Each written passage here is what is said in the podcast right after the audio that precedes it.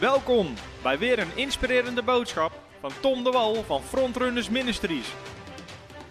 We bidden dat je via deze aflevering geïnspireerd wordt in je leven met God en opgebouwd wordt in je geloof. Nou, ik vind het heerlijk dat we hebben kunnen starten met wat worship, wat misschien niet helemaal in de Nederlandse stijl is. Maar ik geloof dat dit zo ontzettend goed is. Dat we een beetje uit onze Nederlandse cultuur breken. Amen.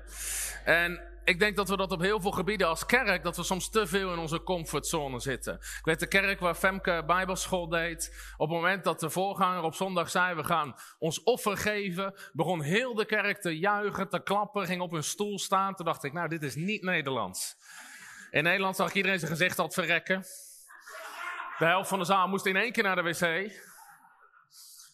Maar soms is het goed als we dingen niet Nederlands doen. En, uh, en daar hou ik van. En ook, weet je, ook de, waar deze conferentie voor staat, de Blessed Conference en deze boodschap van voorziening, de boodschap van zegen, de boodschap van voorspoed. Weet je, weet je wat een van de meeste dingen is waar kritiek komt? Zeggen mensen, ja, uh, preek je dat ook in Afrika? Ja, de boodschap is overal hetzelfde. Sterker nog, de meest gezegende kerken momenteel ter wereld zijn in Afrika. Kerken die 20 jaar terug of, of 50 jaar terug nog niet begonnen begonnen en die nog niet waren begonnen en inmiddels 18 miljoen mensen in hun kerk hebben. Die over heel de wereld nieuwe kerken planten, gebouwen cash betalen in Amerika, in Europa, die hier grote conferenties organiseren, omdat zij de boodschap van zegen en voorspoed hebben gepakt, die de Nederlanders afwijzen en die anderen afwijzen.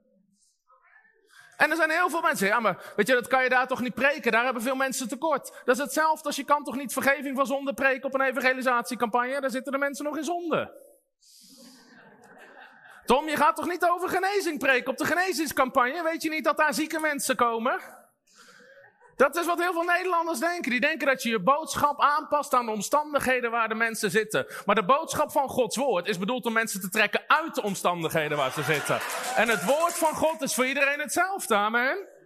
Dat is juist de kracht van het evangelie. Halleluja. Jezus zei juist, de geest van de Heer is op mij. En hij heeft mij gesalfd om een boodschap te brengen. Hij zegt aan de armen. En wat zegt hij dan? In Lucas hoofdstuk 4 hoef je niet op te zoeken. Dan zegt hij om aan te kondigen het, wel, het jaar van welbehagen van de Heer. Oftewel het jubeljaar. Het jubeljaar was het jaar waarop schulden vrij werden gescholden. Was het jaar waarop mensen weer terug werden gezet. Waar alles wat gestolen was vergoed werd. Waar alles wat schuld was werd rechtgezet. Jij zegt ik ben juist gekomen om die boodschap te brengen. Amen.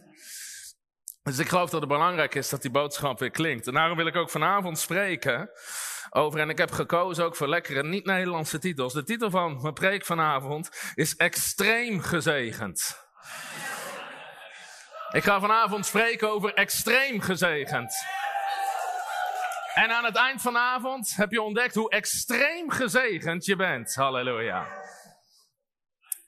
En morgenavond wil ik spreken over onbegrensde gunst. Halleluja. Ik wil zeggen, probeer voor zoveel mogelijk avonden te registreren. Zaterdagavond wil ik uh, gaan spreken over overvloedige voorspoed. Halleluja. En zondagavond over leven uit de top van het vat. Zodat je niet langer zal schrapen, maar zal scheppen in Jezus' naam. Halleluja.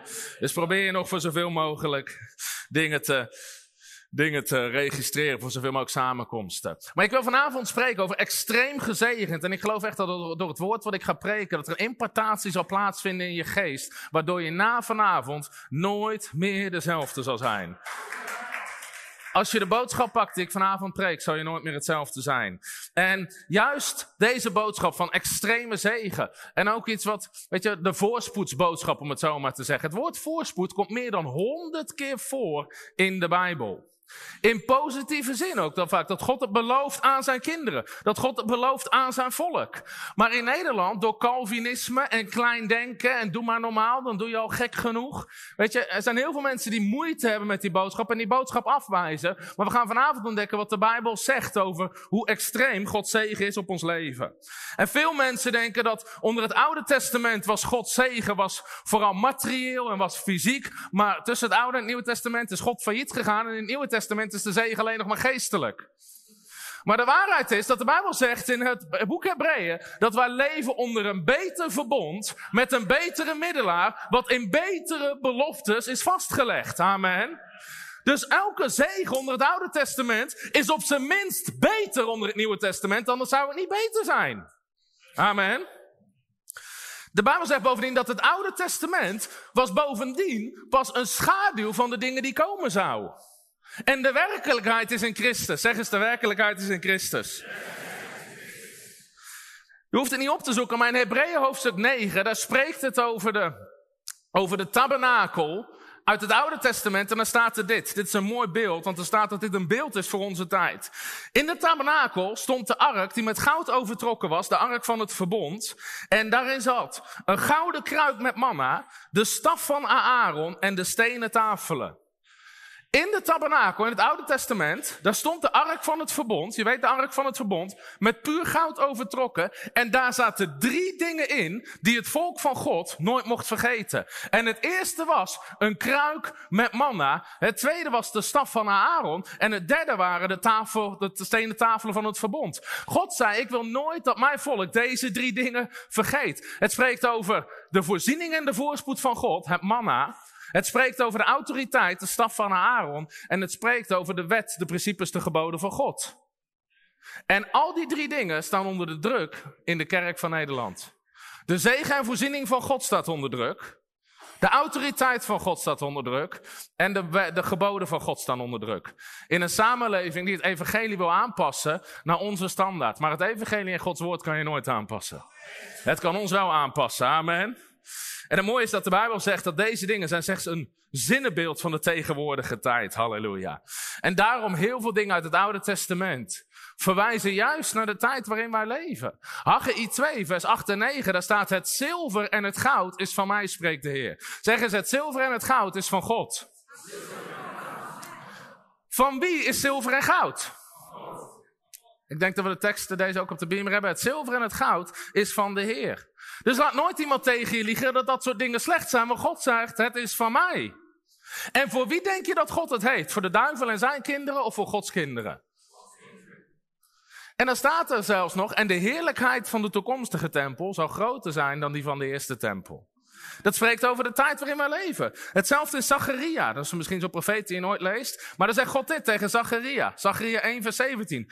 Predik verder. Predik dit, zegt God. Zo zegt de Heere van de legermachten. Mijn steden zullen, en dan zegt de HSV, nog uitbreiden vanwege het goede. Heel vaak hebben de vertalers hebben bepaalde woorden softer vertaald. Omdat het niet in hun comfortzone lag. Want alle andere vertalingen, de Engelse vertaling zegt, My city shall again overflow with prosperity.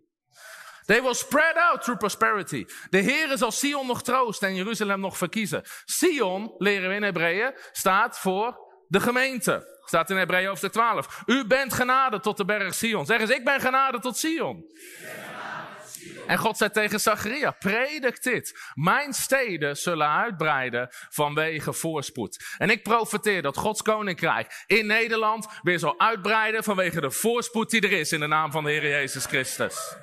Er zal meer dan genoeg geld zijn om iedere roeping te vervullen die God geeft aan de kerk. Amen. Maar we moeten ontdekken hoe extreem gezegend we zijn door God. En daarmee, daar wil ik vanavond met je gaan ontdekken. Dus heb je je Bijbel erbij? Oké, we gaan heel wat Bijbelteksten lezen. We hebben ze ook op de beamer. Maar ik wil je aanmoedigen om de teksten op te schrijven, zodat je ze thuis kan nalezen. Zodat je ziet dat het echt in de Bijbel staat. Ik lees uit de HSV, niet uit de TDW. Dus één iemand snapt het. Dat is de afkorting van mijn naam, Tom de Wal. Oké? Weet je dat iedere krant mijn naam ook verkeerd citeert? Tom van der Wal.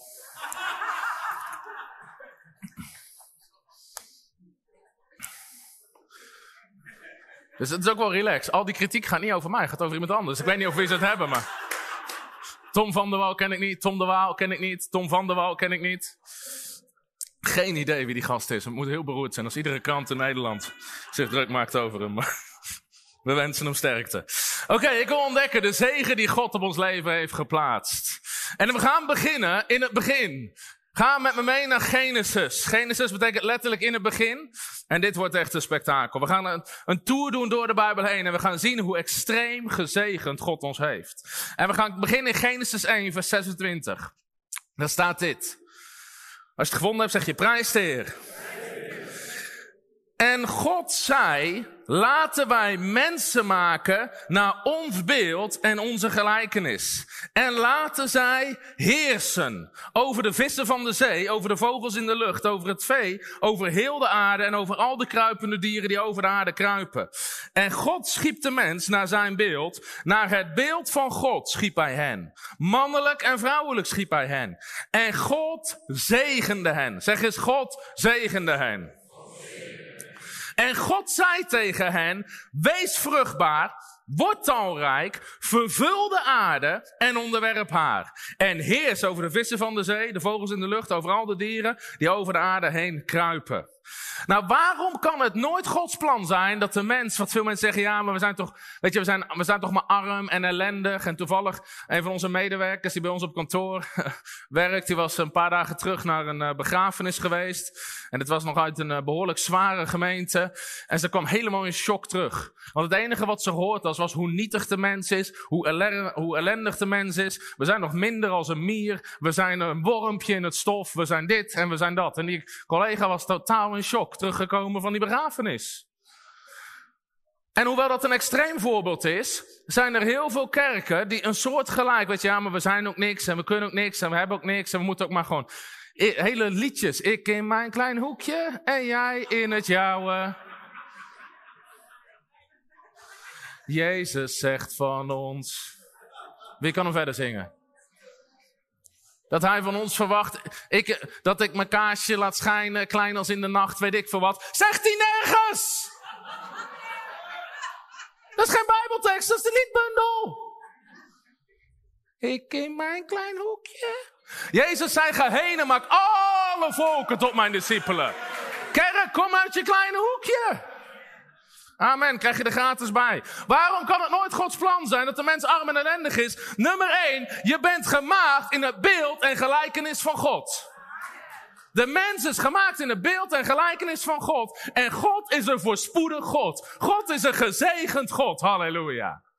En jij bent gemaakt. Zeg eens, ik ben gemaakt. In Gods beeld en Gods gelijkenis.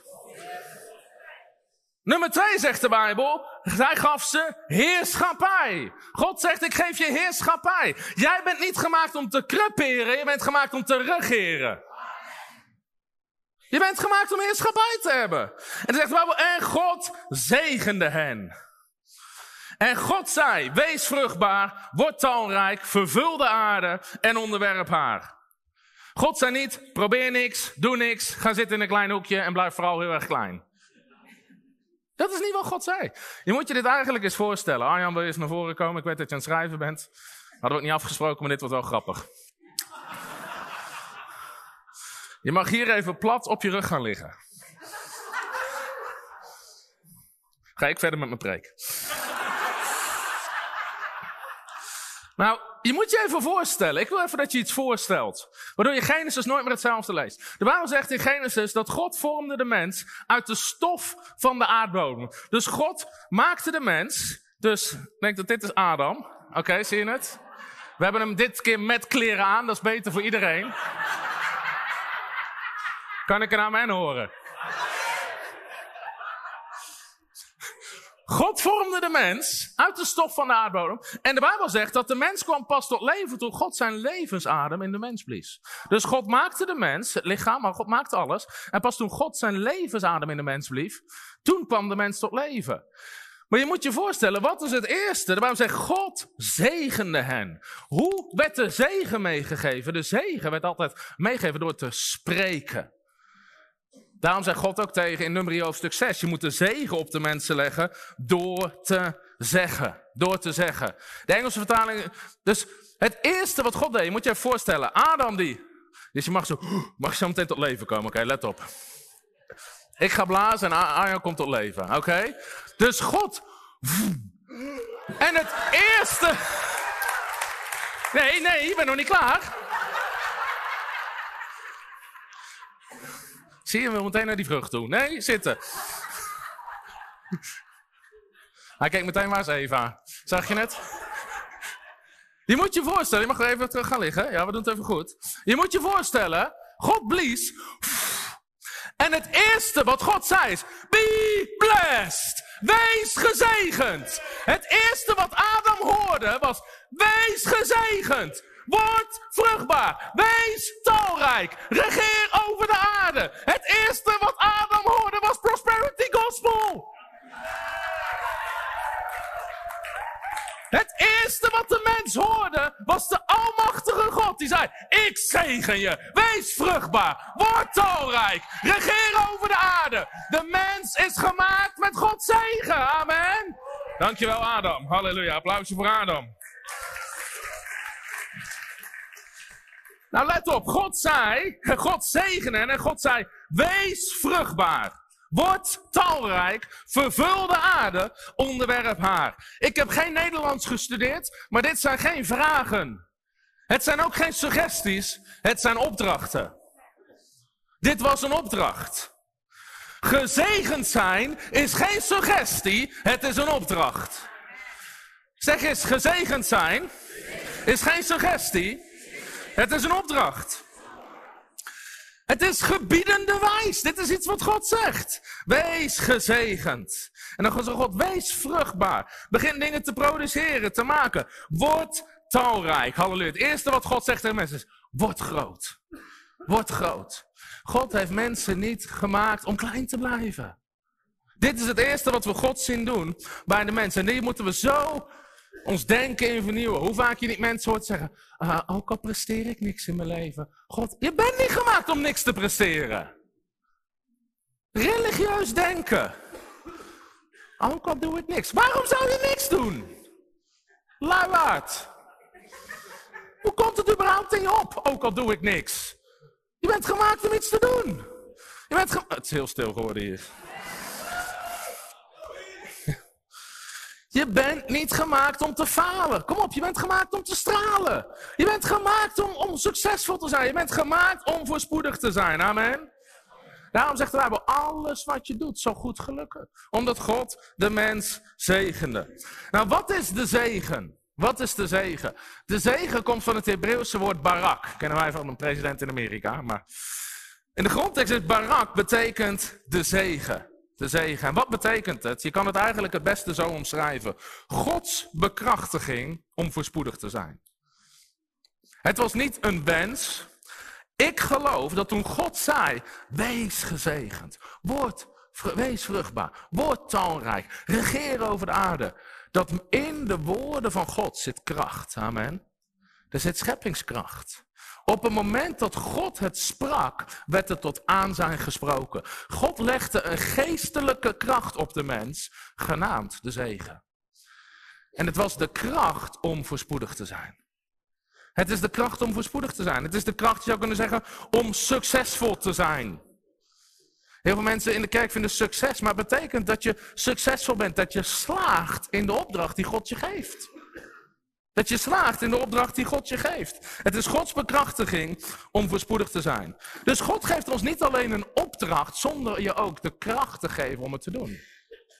God geeft je ook de mogelijkheden om het te doen. Amen. Dus dat is net zoals we tegen ons mediateam zeggen, weet je bijvoorbeeld filmen. Je moet ze ook de mogelijkheden geven. Je moet ze een opleiding geven, je moet ze materiaal geven. Je, moet ze niet, je kan niet alleen een opdracht geven, je moet mensen ook de mogelijkheid geven. Nou, de zegen is dat, maar dan in het geestelijke. Er is een geestelijke, onzichtbare, onstopbare kracht op jouw leven, genaamd de zegen van God.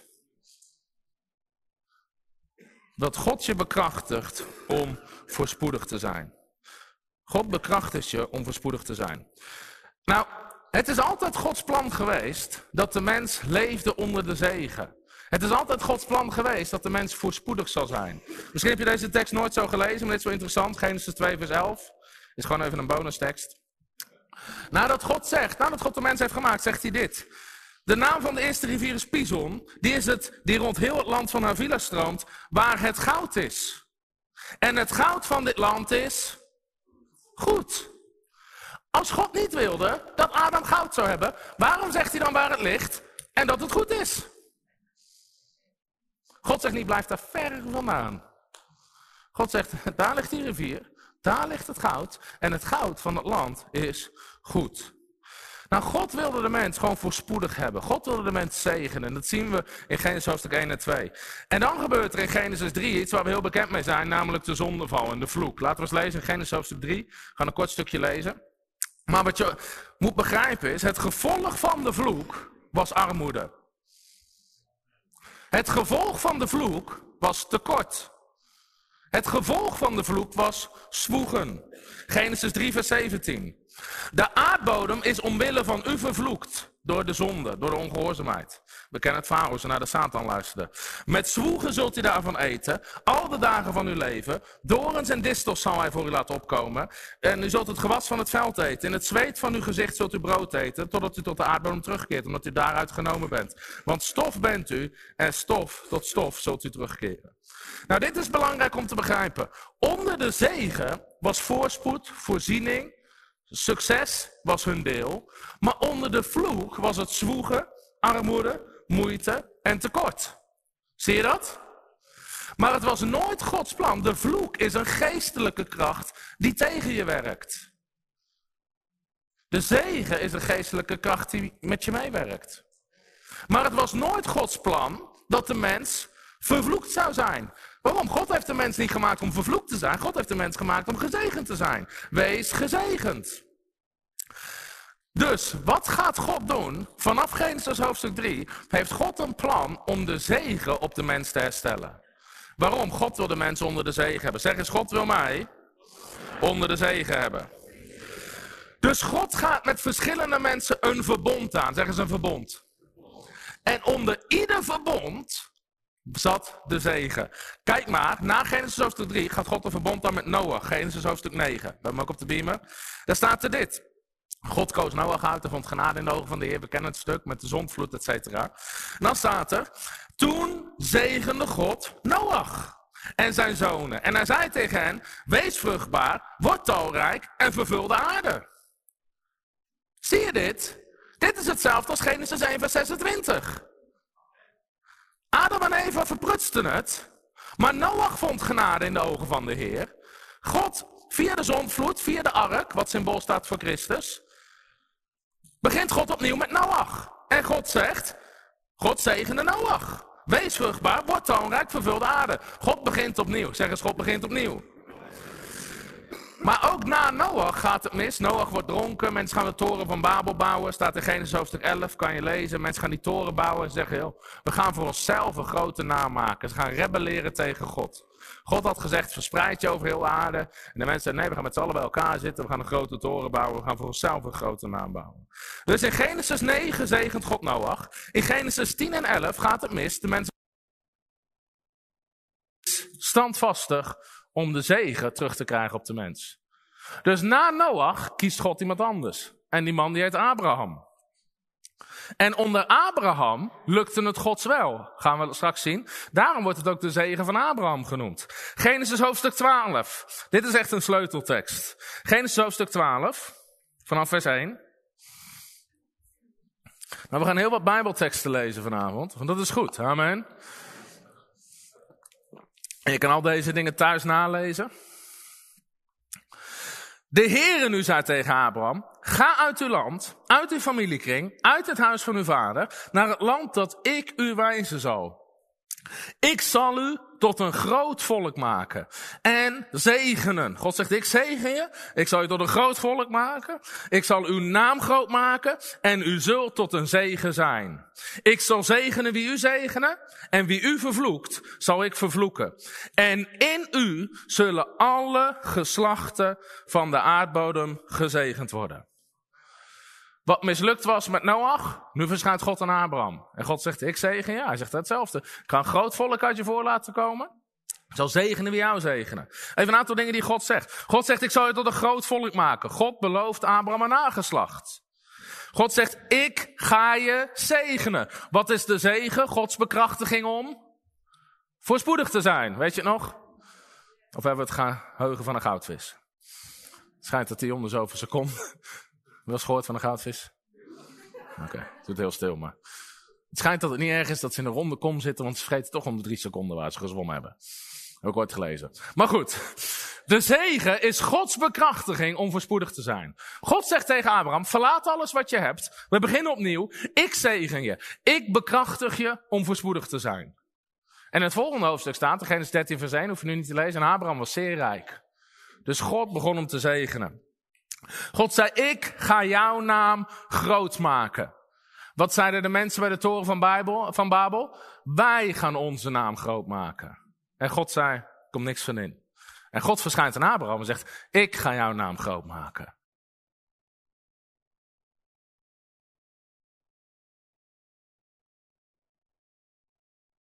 van God van je leven af te lezen is. Niet dat mensen hoeven raden, maar dat mensen het kunnen zien. Mensen hoeven niet te ruiken, ze kunnen het zien dat je gezegend bent. Amen. En dan zegt God, let op tegen Abraham, en je zal tot een zegen zijn. Je zal tot een zegen zijn. Gods doel van zegen, Gods doel van voorspoed is altijd om tot zegen te zijn. En de Bijbel vertelt ons, gaan we zo meteen zien, dat wij dezelfde zegen hebben. Maar het doel van de zegen, zeggen ze, het doel van de zegen is om tot zegen te zijn. Abraham was altijd aan het kijken hoe die andere mensen kon zegenen. Op een gegeven moment rijden uh, rijden er nou hadden nog geen auto's, maar op een gegeven moment liepen er een paar vreemdelingen langs. En de man zegt, Abraham rende naar ze toe. En hij stond erop dat ze kwamen eten. Abraham die gaf zijn tiende aan Melchizedek. Abraham was altijd aan het zegenen. Waarom? Je bent gezegend om een zegen te zijn. Nu ga ik iets belangrijks zeggen. Dit is het verschil tussen voorziening en voorspoed. Jaren terug zijn bekende prediker, een Nederlandse prediker tegen mij. Die zei, Tom, je moet stoppen met preken over voorspoed. Je moet het hebben over voorziening. Want voorspoed vinden mensen lastig. En dus je kan beter hebben over voorziening. Het hele ding is echter dat voorspoed veel vaker voorkomt in de Bijbel dan voorziening. Want God is een God van voorspoed. Maar weet je wat het grootste verschil is tussen voorziening en voorspoed? Voorziening is voor jezelf, voorspoed is voor een ander. Kom op. Voorziening is voor jezelf, voorspoed is voor een ander. De voorspoedsboodschap is de minst egoïstische boodschap die er is. Want als ik zeg, maar ik heb het over voorziening, God voorziet in wat ik nodig heb, dat is mooi, maar God heeft een beter plan dat jij kan voorzien in wat anderen nodig hebben. Dat is het verschil tussen voorziening en voorspoed. En daarom zitten zoveel mensen in Nederland met een armoede-mindset. Ook christenen. Want we hebben het veel te veel over voorziening. En voorziening draait om jou. Ikke, ikke, ikke. Mijn nood, mijn nood, mijn nood. God voorziet in mijn nood. En zodra het gaat over voorspoed, zeggen mensen dat egoïstisch. Nee, je bent gezegend om een zegen te zijn. Dus hoe kijk jij aan tegen wat God in je hand legt? En het gaat niet om hoeveelheden. Ik legde aan Arjan uit in de auto. Ik, ik zat tegen Arjan. Arjan vroeg, waar ga je over praten? Maar ik zei, het verschil tussen voorziening en voorspoed. Ook toen Femke Bijbel, weet je, toen wij begonnen in de bediening. En ook toen Femke Bijbelschool deed. We hadden bijna niks. Natuurlijk hadden we heel vaak zwaar tekort. En al kwam er 100 euro binnen, zag ik het niet als voorziening, maar zagen we het als voorspoed. Dus hoeveel of hoe weinig er ook binnenkwam, we konden altijd anderen zegenen. We konden altijd ervan weggeven, omdat we het niet zien als voorziening, we zien het als voorspoed. Als jij wat in jouw handen krijgt, als je het begint te zien als voorspoed in plaats van voorziening, verandert heel je leven. Je krijgt een mindset van hoe kan ik gezegend worden, nou hoe kan ik een zegen zijn. Dus ik geloof dat het tijd is dat we het in de kerk gewoon weer hebben over voorspoed. In plaats van over voorziening. Want je bent gezegend om een zegen te zijn. Je bent gezegend om een zegen te zijn. En ik moest lachen, want wij krijgen altijd dezelfde kritiek. En toevallig vlak voordat ik hierheen reed, zag ik weer. Dus er komt er weer zo'n reactie. En uh, gelukkig zie ik er heel weinig. Maar iemand reageerde: Dit is welvaart-evangelie. Wie heeft die wel eens gehoord? Nou, ik ben het daar heel erg grondig mee oneens. Weet je hoe dat komt? Ik dacht net vanavond, ik zat in mijn hotel, voor de, ik dacht, laat ik eens googelen op wat welvaart betekent. Nou, ik ben helemaal geen fan van het welvaart-evangelie hoor. Welvaart is de mate waarin de behoeften met beschikbare middelen kunnen worden bevredigd. Dacht ik, dat is veel te weinig. Ik dacht nog een definitie opzoeken. Het kunnen beschikken over voldoende financiële middelen om de eigen behoeftes te kunnen vervullen. Ik dacht, ik geloof niet in welvaartsevangelie. Ik geloof in voorspoedsevangelie. Dat ik gezegend ben om een zegen te zijn. Dus de eerste volgende keer dat mensen zeggen, je gaat toch niet naar frontrunners, dat prediken ze welvaartsevangelie. Nee, zijn we al lang voorbij. Dat is te weinig voor ons. Welvaartsevangelie is te weinig voor kinderen van God. Want je bent gezegend om een zegen te zijn. Amen. Halleluja. Sowieso zijn het vaak demonen die praten. Is dat wel opgevallen? Mensen veranderen ook als ze het zeggen. Pas op voor frontrunners die geloven prosperity gospel. Man, als je zo iemand in een bevrijdingssessie zou hebben, zou je zeggen: Demo, zou je zeggen: Christen, kom uit die demon.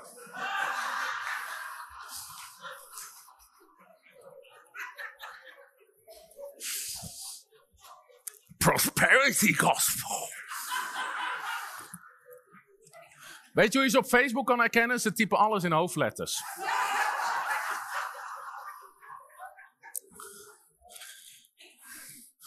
Pas op, dit is prosperity gospel. En dan klik je op hun profielfoto, is het een wolf met groene ogen. Lucifer zelf, een Facebook profiel aangemaakt om te reageren op frontrunners. Dat is sowieso hilarisch. Facebook is gewoon hilarisch. Reageren mensen, bid voor mij, je komt straks naar de samenkomst. Kijk op een profielfoto, is een kat. Zoek in de dienst naar een kat. Goed. Nou, ik geloof niet in welvaart, ik geloof in voorspoed. Je bent gezegend om een zegen te zijn. Als je in voorziening gelooft. Je kan niet 500.000 boeken drukken om gratis weg te geven. Met voorziening, maar dat kan wel met voorspoed. Je kan niet mensen in dienst nemen voor een bediening met voorziening, maar dat kan wel met voorspoed. Als je beseft, je bent gezegend om een zegen te zijn. Weet je, dat is vaak het probleem met kerken. Ze vertrouwen op allerlei menselijke dingen in plaats van de hand van God. En God zegt volgens tegen Abraham: Ik zal de mensen die jou zegenen ook zegenen. En de mensen die jou vervloeken, zal ik vervloeken. God zegt: De mensen die jou helpen, zal ik helpen. Maar de mensen die jou tegenwerken, zal ik tegenwerken. Dat is onderdeel van de zegen. En in jou zullen alle geslachten gezegend worden. Nou, nu had God de zegen op Abraham. En we zien in het leven van Abraham hoe alles wat Abraham doet gelukt, voorspoedig is. Hij wordt gezegend, boven natuurlijk beschermd, al die dingen. Daar ga ik straks wat meer over zeggen. En Abraham geeft zijn zegen, geeft de zegen door aan de volgende generatie. Het gaat van Abraham naar Isaac. Laten we Genesis 26, vers 3. Daar staat dit. Verblijf als vreemdeling in dit land. Ik zal dan met u zijn en u zegenen. Want aan u en uw nageslacht zal ik al deze landen geven. Ik zal de eedgestand doen die ik Abraham, uw vader, gezworen heb. Dus hier zegt God, ik zal de belofte die ik aan Abraham gedaan heb, zegt hij God tegen Isaac, zal ik gestand doen. Nou, in Genesis 26 lezen we ook dat Isaac in een hongersnood terechtkomt. Gaan we nu niet helemaal lezen. Maar er staat er vanaf vers 12. Um, Isaac zaaide in het land en hij oogst het honderdvoudige, want de Heer zegende hem. Dus de zegen van God was nu op Isaac. En de man, en dit staat in de MBG, werd rijker. Ja, gaandeweg werd hij rijker totdat hij zeer rijk geworden was. Hij had kudde kleinvee, kudde runderen, aantal slaven, zodat de Filistijnen jaloers op hem werden. En uiteindelijk zeggen ze, ga weg, want u bent veel machtiger geworden dan wij. Dus de zegen ging van Abraham naar Isaac. Van Isaac ging de zegen naar Jacob. En dat lezen we in Genesis 28, vers 4.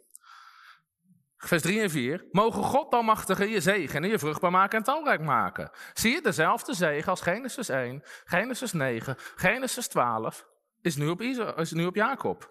Geen, uh, vers 4. Mogen hij je de zegen van Abraham geven. Mogen hij je de zegen van Abraham geven. Nou, we gaan nu niet te veel lezen over Jacob, maar je ziet dat Jacob had de zegen van Abraham. Dus hij gaat op weg, hij heeft niks, hij heeft alleen een staf, hij slaapt op een steen. Maar vervolgens als hij terugkomt is hij tot twee kampen uitgegroeid. Het maakte niet uit hoe vaak Laban hem probeerde te bedriegen, want hij werd toch gezegend. Want de zegen van Abraham was op hem. Uiteindelijk,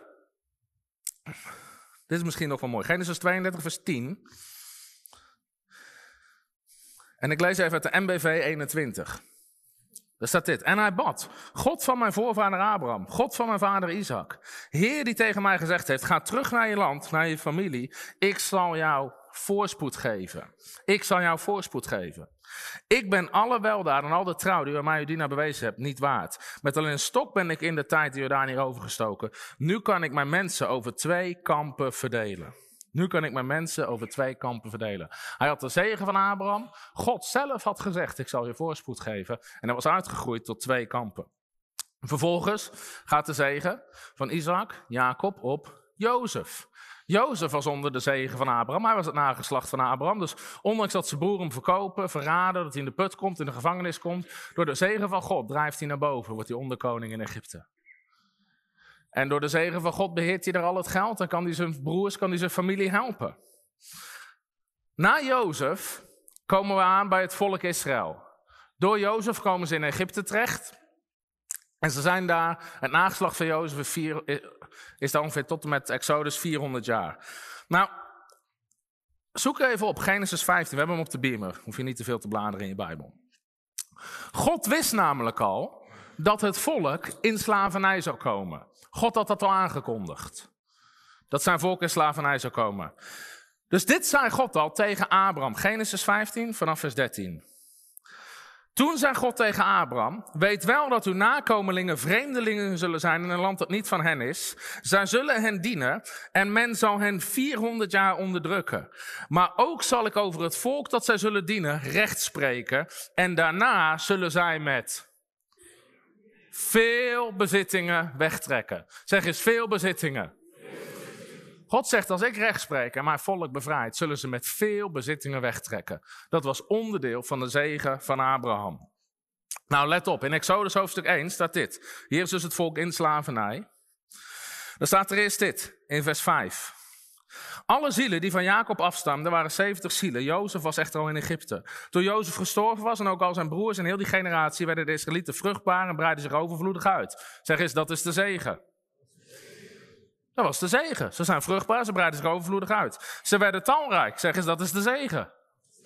Je ziet, de, de zegen zie je overal aan uitwerken. En uitermate machtig. Zeg eens, dat is de zegen. Zodat het land van hen werd. Dat is de zegen. Als je dit in Afrika preekt, staan ze nul op een stoel te springen en te dansen. Zie je wat hier staat? Ze werden de Israëlieten vruchtbaar, ze breidden zich uit, ze werden talrijk, ze werden uitermate machtig en het land werd van hen. Halleluja, dat is de zegen. Als de zegen van God op je is, kan je niet onbelangrijk en ongezien blijven, want de zegen van God brengt je naar de top. Toen trad er in Egypte een nieuwe koning aan, die Jozef niet gekend had. En zei tegen zijn volk, zie, het volk van Israël is talrijk en machtiger dan wij. Het volk van God wordt altijd talrijk en machtiger dan het volk van de vijand. Eén amen. Maar dat is een goed woord. Halleluja. Dan zegt hij, nou laten we ze in slavernij doen, et cetera. En dan staat er in vers 12 dit. Hoe meer zij het echter onderdrukte, hoe talrijker het werd en hoe meer het zich uitbreidde, zodat zij zelfs in angst verkeerden vanwege de Israëlieten. Dit is het met de zegen van God. Hoe harder mensen het onderdrukken, hoe harder mensen je aanvallen, hoe meer God je omhoog duwt. Dat is onderdeel van de zegen. Als je dit pakt voor jouw leven, ik ga zo meteen laten zien dat jij onder dezelfde zegen bent. Hoe meer mensen je onderdrukken, hoe harder je naar boven komt. Daarom is de kerk van Jezus Christus onoverwinnelijk. Want hoe meer de kerk onderdrukt en vervolgd wordt, hoe harder God zijn volk zegent. Heeft hij door de hele Bijbel heen gedaan en hij is niet veranderd. Halleluja. Dan staat er dit in Exodus 12, vers 24. Ze begonnen het uit te roepen naar God. Dan staat er, toen hoorde God hun gekerm en hij dacht aan zijn verbond met Abraham. Exodus 12, vers 24. Aan zijn verbond met Abraham, Isaac en Jacob. En God zag om naar de Israëlieten en hij ontfermde zich over hen. Dus vanaf nu begint God zich te ontfermen en zijn volk te bevrijden. Maar God zegt, we gaan niet met lege handen. Zeg eens, we gaan niet met lege handen. Want God had dat tegen Abraham gezegd, als we gaan, dan nemen we alle bezit mee. Halleluja. Nou, hoeveel weten dat materiële dingen. God zegt, als we gaan, we alle bezit mee. Amen. Ik word hier vrolijk van, maar goed. Exodus 3, vers 21. En ik zal dit volk genade geven in de ogen van de Egyptenaren. En het zal gebeuren dat u als u weggaat niet met lege handen gaat. Elke vrouw moet aan haar buurvrouw en haar huisgenoten zilver en gouden voorwerpen vragen. En kleren die uw zonen en dochters te dragen moeten geven. Zo zult u Egypte beroven. Egypte is een beeld van de wereld. Egypte is een beeld van het koninkrijk van de duisternis. En ik profeteer dat het volk van God en de mensen die bevrijd worden niet met lege handen zullen gaan, maar dat het koninkrijk van de duisternis beroofd zal worden in de naam van de Heer Jezus Christus. Halleluja. Want de Bijbel zegt, het vermogen van de heidevolken is voor de rechtvaardigen. Halleluja. En dan staat er in Exodus 12, vers 35. We hebben op de beamer. De Israëlieten hadden gedaan overeenkomstig het woord van Mozes. En hadden van de Egyptenaren zilveren voorwerpen, gouden voorwerpen en kleren gevraagd. Bovendien had de Heer het volk genade gegeven in de ogen van de Egyptenaren, zodat ze hun het gevraagde gaven. Zo beroofden zij de Egyptenaren. Halleluja. En de staten Net zoals God had gezegd tegen Abraham, ze zullen met veel bezittingen wegtrekken. Ze trokken weg met veel bezittingen.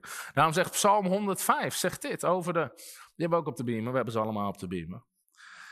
Dit gaat over het volk van God. Hij leidde hen uit met zilver en goud. En onder hun stammen was niemand die struikelde. Andere vertaling zegt er was geen één ziek persoon onder hun stammen. Egypte was blij toen ze wegtrokken, want angst voor het volk was op hen gevallen. Hij spreidde een wolk uit om te bedekken, gaf vuur om de nacht te verlichten. Zij baden en hij deed kwartels komen. Hij verzadigde hem met hemels brood. Halleluja. Hij opende een rots en er vloeide water uit. Dat als door een rivier door dorre plaatsen stroomde. Want hij dacht aan zijn heilige woord aan Abraham, zijn dienaar. Zie je dit? Elke keer referenties naar de zegen van Abraham. Zo leidde hij het volk uit met vreugde, zijn uitverkorenen met gejuich. Hij gaf hun de landen van de heidevolken. Zo namen zij in bezit waarvoor de volken hadden gezwoegd. Halleluja. Zijn er mensen klaar om in bezit te nemen waar andere mensen voor hebben gezwoegd? Halleluja.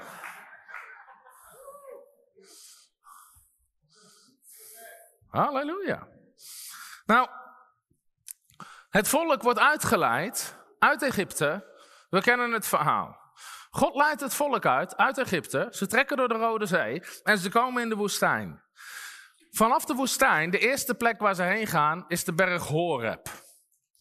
De Horeb, theologen denken dat ze na tussen de 47 en 50 dagen, ze hadden een groep van 3 miljoen mensen. Ze hebben er tussen de 47 en de 50 dagen over gedaan om van de Horeb of van de Rode Zee bij de Horeb te komen. En dus dat duurde ongeveer 50 dagen. En dan staat er dit in Deuteronomium 1 vers 2. Dit is gewoon een stukje achtergrond. Vanaf de Horeb in de richting van het Zeegebergte tot aan Kades Barnea, dat is het eerste punt van het beloofde land, is het 11 dagen reizen. Is het 11 dagen reizen. Nou, waarom is dit belangrijk? Hoe lang hadden ze erover kunnen doen om van de Rode Zee in het beloofde land te komen? Een dag of 60. Van de Rode Zee tot de Horeb, 45 tot 50 dagen. En vanaf de Horeb tot aan het dichtstbijzijnde punt van het beloofde land was 11 dagen. Het was Gods plan dat ze snel in het beloofde land zouden zijn. Maar het was hun eigen ongeloof en ongehoorzaamheid dat het zo lang duurde. Het was nooit Gods plan dat ze 40 jaar in de woestijn zouden zitten. Want God zei al in Exodus 3, vers 8: Daarom ben ik neergekomen om dit volk te redden uit de hand van de Egyptenaren. En het te leiden uit dit land naar een goed en ruim land. Naar een land dat overvloeit met melk en honing. Gods plan was voorspoed. Zeg eens, Gods plan was voorspoed. Gods plan was niet de woestijn. Waarom is dit belangrijk? Er zijn hele grote groepen christenen die allerlei theologieën baseren op dingen die niet Gods plan waren. Uh, ja, ik zit de afgelopen tien jaar in een woestijnperiode. Dat is niet Gods plan. Elf dagen. Of zestig dagen. Maar als je al tien jaar in de woestijn zit, is er iets mis. Mensen verzinnen allerlei doctrines. Over ja, redt een woestijnperiode. Ja, woestijnperiode. Rot op met je woestijnperiode. Heb geloof om je beloofde land in te gaan. Ja, ik zit echt in een seizoen van wachten. Er is geen seizoen van wachten. Er is een seizoen van gaan. Ik weet niet wat christenen allemaal doen. Ja, ik ga echt door een dal van duisternis. Sommige christenen, de Bijbel zegt, al ging ik door een dal van duisternis. Er staat niet dat je er kampeert.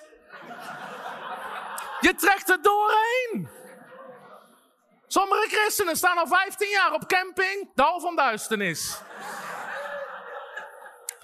Ja, het is moeilijk, het is zwaar. Zit in een seizoen van wachten. Ja, is echt een woestijnperiode. Man, heb je een klap met een vlaggenstok gehad? Of wat is er aan de hand?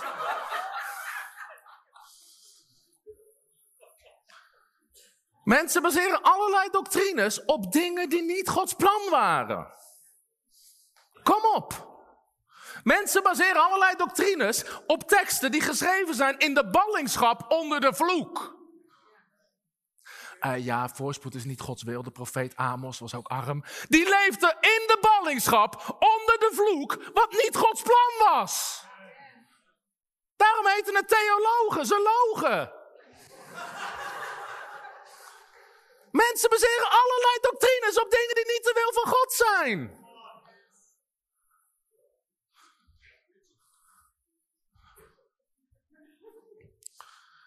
Ja, pas op voor frontrunners. Die halen tekst uit hun context. Ik neem je mee van Genesis tot openbaar en ik laat je zien wat de plan van God is. Amen. Halleluja. Psalm 81, vers 14. Let op wat hier staat. Och, had mijn volk naar mij geluisterd, was Israël in mijn wegen gegaan. In korte tijd, zeggen ze in korte tijd. Zou ik hun vijanden onderworpen hebben en mijn hand gekeerd hebben tegen hun tegenstanders? Vers 17. Hij zou van de beste tarwe te eten gegeven hebben. Ja, ik zou u verzadigd hebben met honing uit de rots. God zegt, had mijn volk maar naar me geluisterd. In korte tijd had ik een vijand overwonnen. In korte tijd had ik ze er gebracht. In korte tijd had ik ze voorspoed. Gods plan is dat dingen bereikt worden in een korte tijd in Jezus' naam. En ik profiteer over je leven dat alles wat veel te lang geduurd heeft, vanavond stopt in de naam van de Heer Jezus Christus. En dat vanaf nu in korte tijd dingen bereikt worden in Jezus' naam. Zeg eens tegen je buurman of je buurvrouw: kom uit die woestijn. Kom van die camping af. Halleluja. Dat is nog een verschil. Kom op, wie, wordt er, wie leert er ook iets deze preek? Dat is nog een verschil tussen de woestijn en het beloofde land. Het beloofde land was het plan van God. De woestijn was Gods. Ja, God, hield ze er doorheen. In de woestijn hadden ze voorziening. In het beloofde land hadden ze voorspoed. Kom op. In de woestijn hadden ze voorziening. Iedere dag waren er kwartels voor die dag. Iedere dag was de manna voor die dag. Maar ze konden niet meer oprapen, want dan bedierf het. In de woestijn hadden ze voorziening. Want het volk van God kon nog niet omgaan met voorspoed. Mensen moeten leren wennen aan voorspoed. De kerk kan niet omgaan met voorspoed. Sowieso, als je er tegen preekt, alles waar je tegen preekt, zal je nooit hebben. Alles waar je tegen spreekt, zal je nooit hebben. Want de Bijbel zegt dat God bevestigt het woord wat we spreken.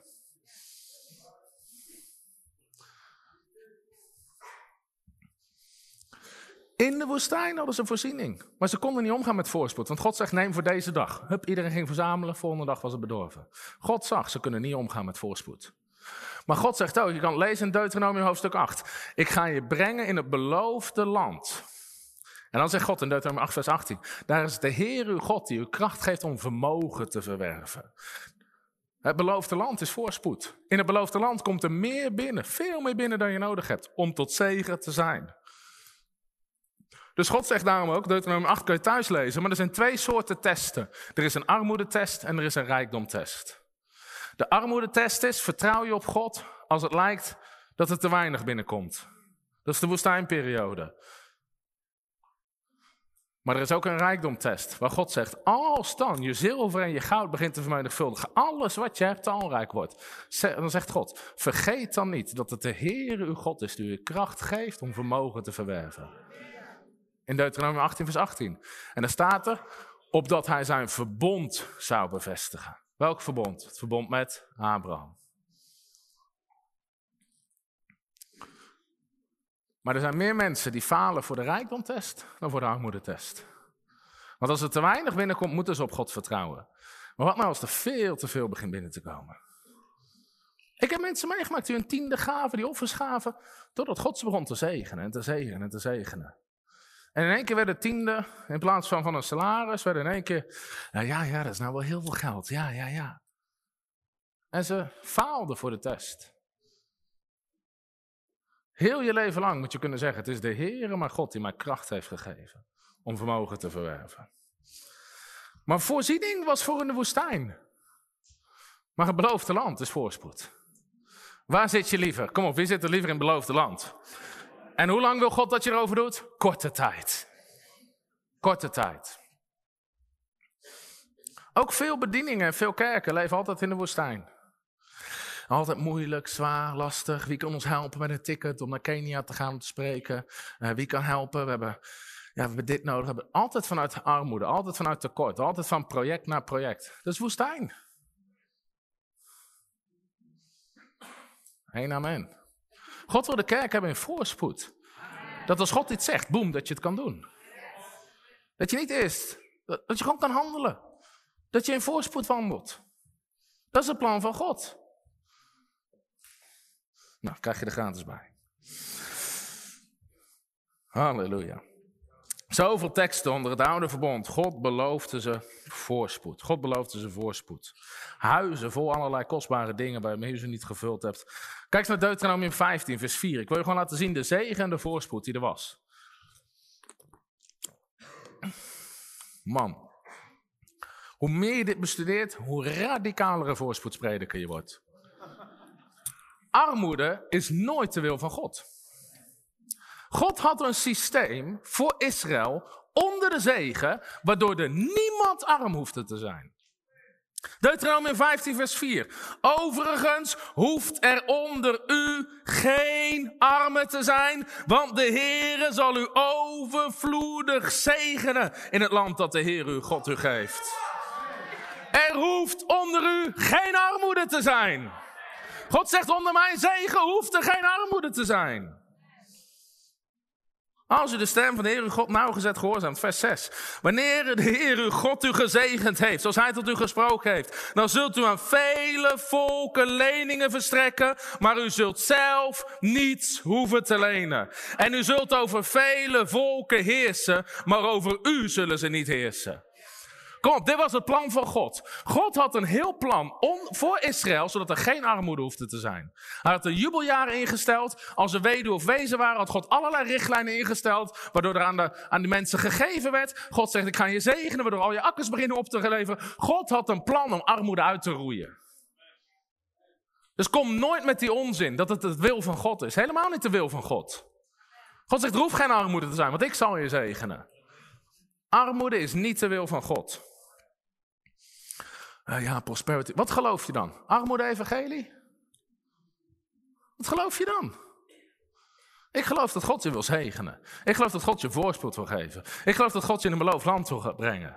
Ik geloof dat God je wil zegenen, dat je een zegen kan zijn. Amen. Deuteronomium 28, een heel hoofdstuk over de zegen. Ik ga alleen even lezen vanaf vers 11. Oh, dit zijn lekkere knallers. Dit is nog zo'n voorbeeld waar, waar het gewoon slecht vertaald is, zwak vertaald. Er staat, en de Heere zal u een overvloed ten goede geven. De Engelse vertalingen zeggen, the Lord will give you abundant prosperity. Een andere vertaling zegt, a surplus of prosperity, een overvloed aan voorspoed. Daarom wil ik daar zaterdagavond over gaan spreken. God belooft niet gewoon voorspoed, God belooft je een overvloed aan voorspoed. Geloof je voorspoed? Nee, nee, nee. Daar zijn we ook al voorbij. We geloven in een overvloed aan voorspoed. God zegt, ik zal je een overvloed aan voorspoed geven. In de vrucht van uw schoot, in de vrucht van je vee, in andere woorden, in je werk, in de vrucht van uw land, in het land dat de Heer uw vader gezorgd te zullen geven. De Heer zal voor u zijn rijke schatkamer, de hemel openen, door uw land regen te geven op zijn tijd, door al het werk van uw handen te zegenen. U zult aan vele volken uitlenen, u zult zelf niet hoeven te lenen. De Heer zal u tot een hoofd maken en niet tot een staat. U zult uitsluitend omhoog gaan en niet omlaag. Halleluja. Dit is de zegen van God. En dit was de wil van God. Nogmaals, ze konden onder de vloek komen, dat was nooit Gods plan. Ik zat laatst, Chris, je zit helemaal achterin, zo eens eventjes. Maar er meer mensen Chris. Oh, er zijn twee Chris. Ja, klopt, ja, Chris en Chris. Ik bedoelde de Chris helemaal achterin. Maar uh, Chris die was een tijdje terug ergens en toen... Uh, en misschien ken je dit wel, ook op bruiloften, weet je wel, waar je zweert in voor- en tegenspoed en al die dingen meer. En mensen zweren dat soort dingen. Mensen hebben geen idee waar ze ja op zeggen. En de Bijbel zegt dood en leven is in de macht van de tong. Ik heb hier wel vaker schokkende preek over gehouden. Maar heel veel mensen hebben ook beleidenis gedaan in de traditionele kerk. Waarmee je zegt dat je instemt met de Heidelbergse catechismus. En dingen die erin staan zijn, ik erken dat ik ziekte en gezondheid zal ontvangen uit de hand van God. Pff, donder op met je kots. Ziekte uit de hand van God. Het is de duivel die mensen ziek maakt. Door zijn stream is er genezing gekomen. En mensen stemmen ermee in. Ze beleiden ermee. Ja, en niemand durft er iets van te zeggen. Nou, ik wel. Kan je toch niet zeggen, kijk naar mijn mond, het is kots. Kom op, het is de duivel die mensen ziek maakt, zegt de Bijbel. Jezus Christus is gestorven aan het kruis om voor jouw streamen, gene voor zijn streamen genezing te brengen. En mensen stemmen daarmee in.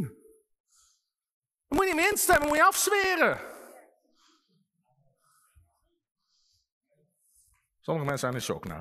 Maar dat is goed. Let op wat God zei. En zo kom ik hierop. Deuteronomium 30. Vers 9 eerst. Ik lees even de MBV. De Heer uw God zal u voorspoed geven in alles wat u onderneemt. Uw kinderrijk maken, uw vee en uw land vruchtbaar maken. Hij zal weer vreugde invinden om u te zegenen, zoals u voorheen bij uw voorouders.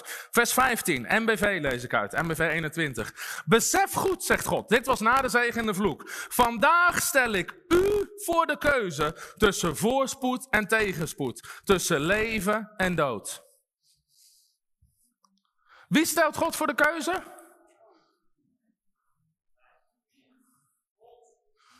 God zegt, ik stel je voor de keuze. Je kan kiezen tussen voorspoed en tegenspoed.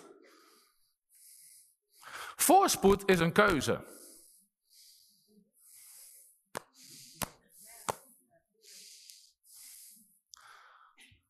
Kan je opschrijven in je aantekeningen? Voorspoed is een keuze. Als jij ervoor kiest om God te gehoorzamen, God te geloven, Gods woord te spreken, er is niemand in de Bijbel die God gehoorzaamt, God gelooft en die gezegend wordt met armoede. God zegent met voorspoed. En God zegt, ik stel u voor de keuze. Zij mochten zelf de keuze maken. En waar ze voor kiezen, bleek aan de hand van wat je deed. Uiteindelijk weten we dat het volk was ongehoorzaam en ze kwamen onder de vloek. Nogmaals, wat nooit Gods wil is. Waar te veel bijbelteksten op gebaseerd zijn. Of te veel doctrines voor mensen. Oké, even tot zover. God zegende Adam en Eva. Die verprutsten het. God zegende Noach. Die verprutsten het. God zegende Abraham. Abraham gaf het over. Op Abraham, Isaac, Jacob, Jozef, op het volk Israël. Onder de zegen zouden ze voorspoedig zijn, zouden ze gezegend zijn, zouden ze overvloed hebben, zouden ze gigantisch groot kunnen worden. En God zegt, ik stel jullie voor de keuze. Nu zijn wij, de meeste van ons zijn heidenen. In andere woorden, we zijn niet. We zijn geen Joden, we hebben geen Joodse komaf. Maar God had een plan om alle volken gezegend te krijgen. Want God zei al tegen Abraham: In u zal ik alle geslachten, alle volken zegenen. Dus nu komen we in het Nieuwe Testament. Matthäus hoofdstuk 1, vers 1, het eerste vers van het Nieuwe Testament, begint zo. Het geslachtsregister van Jezus Christus. Ik weet dat je deze dingen nooit bestudeert. De zoon van David, de zoon van Abraham. Jezus Christus, de zoon van David, de zoon van Abraham. Jezus droeg de zegen van Abraham, want hij was het nageslacht van Abraham. Jezus Christus kwam voort uit het Joodse volk. Wat deed Jezus vervolgens? Gods plan was altijd al om via Jezus alle mensen weer onder de zegen te krijgen. Dus toen Jezus stierf aan het kruis, wat zetten ze op zijn hoofd? Een doornkroon. Als teken van de vloek. Dorens en distels zal het voortbrengen. Jezus kreeg een doornkroon op. En Jezus stierf voor ons. En Paulus vertelt in Galaten hoofdstuk 3, dit is zo'n kernhoofdstuk. Dit hoofdstuk zou je eigenlijk helemaal moeten kunnen dromen. Galaten hoofdstuk 3, dit is zo belangrijk voor de Nieuw Testament.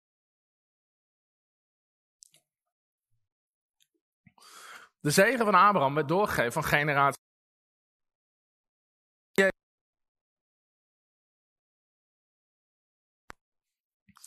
Zoals Abraham God geloofde en het hem tot gerechtigheid werd gerekend.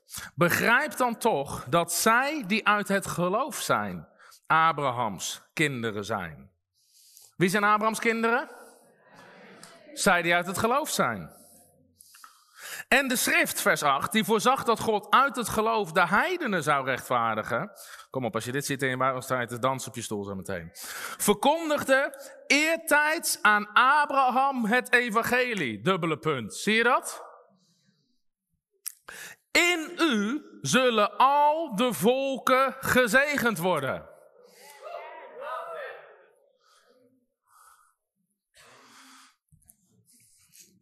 We hadden laatst, een tijdje geleden, een journalist. En die zat in een van de, een van de samenkomsten. En die schreef een artikel.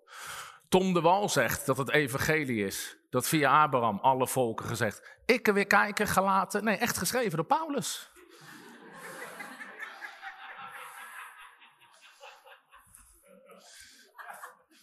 Tom de Wal. Nee, Paulus zegt. De Bijbel zegt. God zegt. Maar weet je wat het is? Mensen hebben een probleem met God, maar die kunnen ze niet bereiken. Gaan ze tegen mij aan staan zeiken.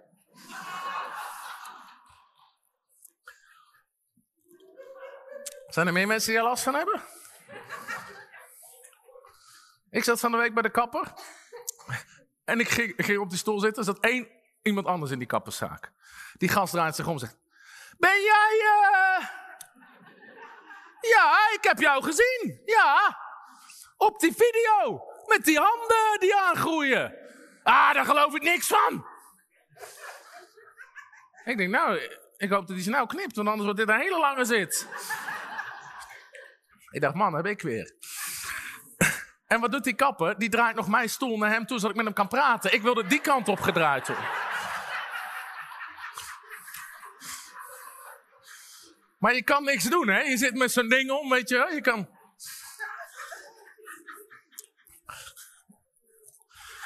Dus die keer door.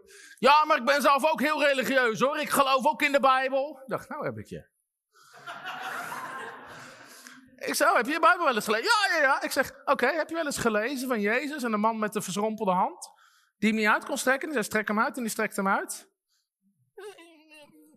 Ja. Ik zeg, heb je wel eens gelezen dat Jezus zegt, we zullen dezelfde wonderen doen als hem en nog groter? Ja, eigenlijk is het ook wel mooi hoor, wat je doet. Ja.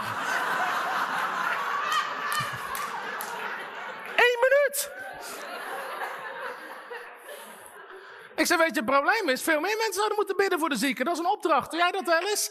Uh, nou, nou, ik ben nog aan het zoeken. Nou, tijd dat je wat gaat vinden. Hoe kwam ik hierop? Mm. Oh ja, we gaan gewoon verder. Ja, het is altijd heel gezellig bij de kapper.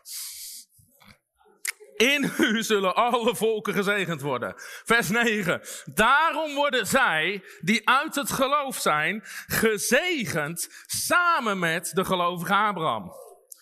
De New Living Translation, NLT, zegt: Daarom worden zij, die uit het geloof zijn, gezegend met dezelfde zegen als Abraham had.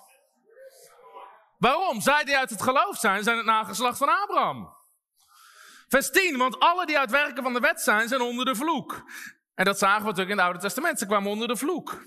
Er staat immers geschreven: vervloekt is een ieder die niet blijft bij alles wat er geschreven staat in het boek van de wet om dat te doen.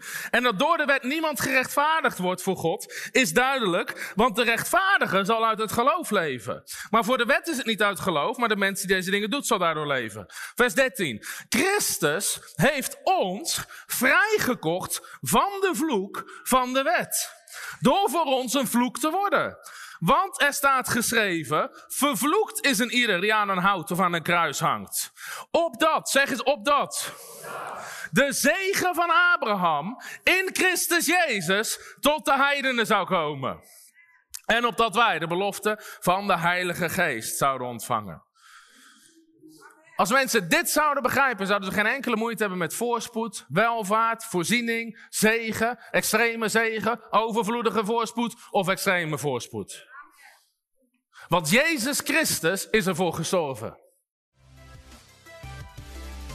Hallo, Tom de Wol hier en bedankt dat je weer geluisterd hebt naar onze podcast. Ik bid dat het je geloof gebouwd heeft en je bemoedigd bent. Als je niet alleen een luisteraar van onze boodschap wil zijn, maar ook een verspreider daarvan, wil ik je uitnodigen om partner te worden van Frontrunners. Door jouw maandelijkse donatie help je ons om dit evangelie van Jezus Christus en het woord van God over heel de aarde te brengen. Om partner te worden, ga naar www.frontrunnersministries.nl slash partners en word partner. Hartelijk bedankt en tot snel. Heb je ook zo genoten van deze inspirerende boodschap van Tom de Wal? Abonneer je dan op deze podcast. Volg ons op Facebook en op Instagram en kijk op onze website frontrunnersministries.nl.